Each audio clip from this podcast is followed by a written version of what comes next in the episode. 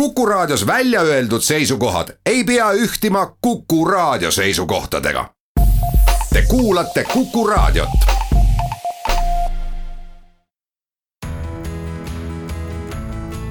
kuku Raadio nädala kommentaar.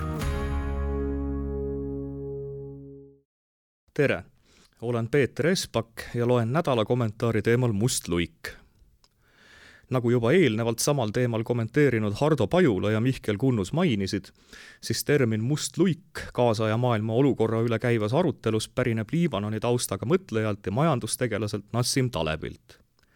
eelkõige tema kahe tuhande seitsmendal aastal ilmunud samanimelisest raamatust lihtsalt lahti seletades seisab kujundi taga kunagine oletus, et kuna kõik teadaolevad luiged on valged, siis musti luiki kas pole olemas või nende olemasolu on erakordselt ebatõenäoline eeldus, mis lükkus kohe ümber, kui maadeavastuste käigus leitigi mustad luiged.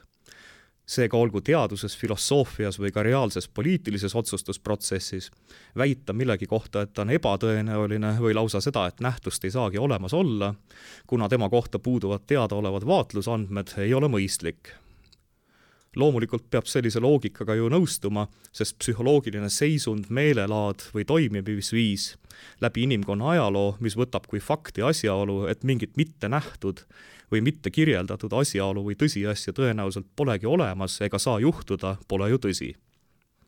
Selline meelelaad vastab tegelikult ka väga hästi just ka meil Eestis kohatava primitiivateisti loogikale vaatasin teleskoobiga taevasse, Jumalat ei näinud, järelikult Jumalat pole olemas ja kõik religioonid on väljamõeldised. välistada või kahelda millegi veel mitte kirjeldatu või nähtu olemasolus välistab ju nii usu kui ka loodusteaduse nii kristlikus usus kui ka loodusteadustes usklik või teadlane ju üritabki kas tunnetada või kirjeldada ehk teada saada miskit, mille olemasoluks veel ühtegi käegakatsutavat või kõnes kirjeldatavat tõestuskäiku pole must luik maailmasündmusena on aga tõlgendatav millegina, mida ei osanud keegi oodata ning mis saabus asjaosalistele täieliku üllatusena ning omas ühtlasi ülisuurt mõju. Taleb laiendab musta luigena tõlgendatavaid sündmusi aga kaugele väljaspoole enda erialaks olevat majandussfääri ja seal toimunud viimase aja suurimaid kriise, muuhulgas ka teadusse, kunstidesse ja ajalukku ootamatult saabunud mustade luikedena saavad tõlgendada ka läbimurdeid teaduses ja tehnoloogias, nagu kas või internetti ning ka ootamatuid kunstilisi murranguid või läbimurdeid ajaloost toob ta selliste sündmustena näiteks esile Esimese maailmasõja, Nõukogude Liidu kokkuvarisemise ja ka üheksanda septembri terrorirünnakud.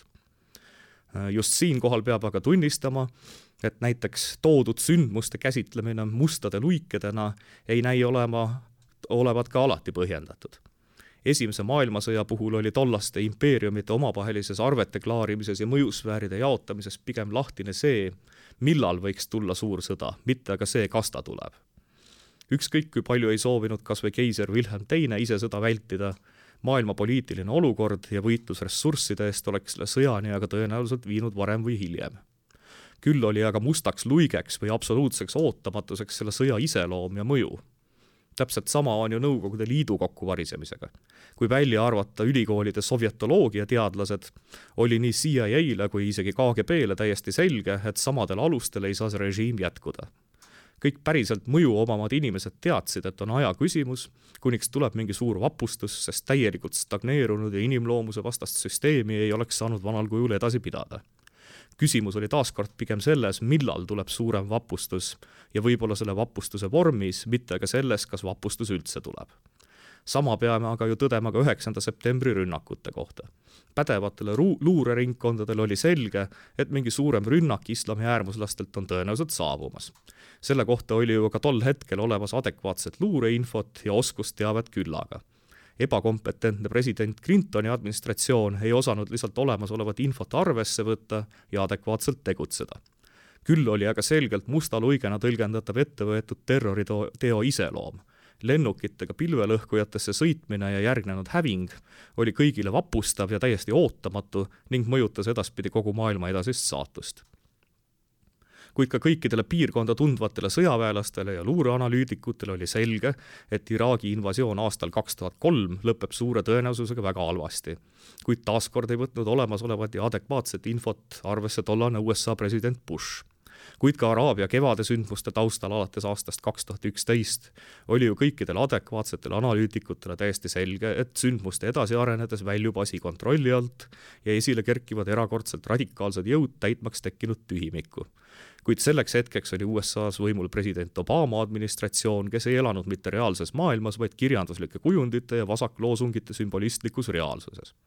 Kõiki kaasaja Lähis-Idas toimunud katastroofe oleks saanud ära hoida ükskõik milline USA administratsioon, eelneva vigu parandades ja ratsionaalselt tegutsedes, tuginedes just olemasolevatele andmetele ja varasemate analoogiate analüüsile.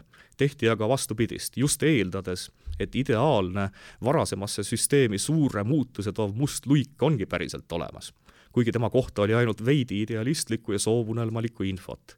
eeldati, et tekib võimalus tekkinud olukordi pöörata enda kasuks, must luik nii-öelda välja meelitada kuigi kasuks oleks tulnud just kogu varasema valgete luikede kohta kogutud info süstematiseeritud analüüs.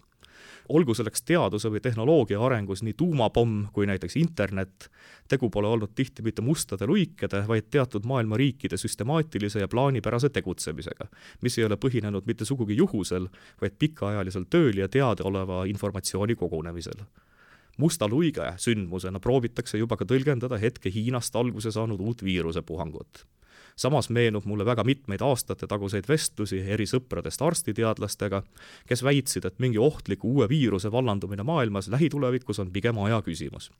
prognoosimatu on loomulikult, millal, kus ja otseselt milline see viirus oleks. kuid võimalus selliseks ja tänasest kordades hullemaks viiruseks on alati olnud laual.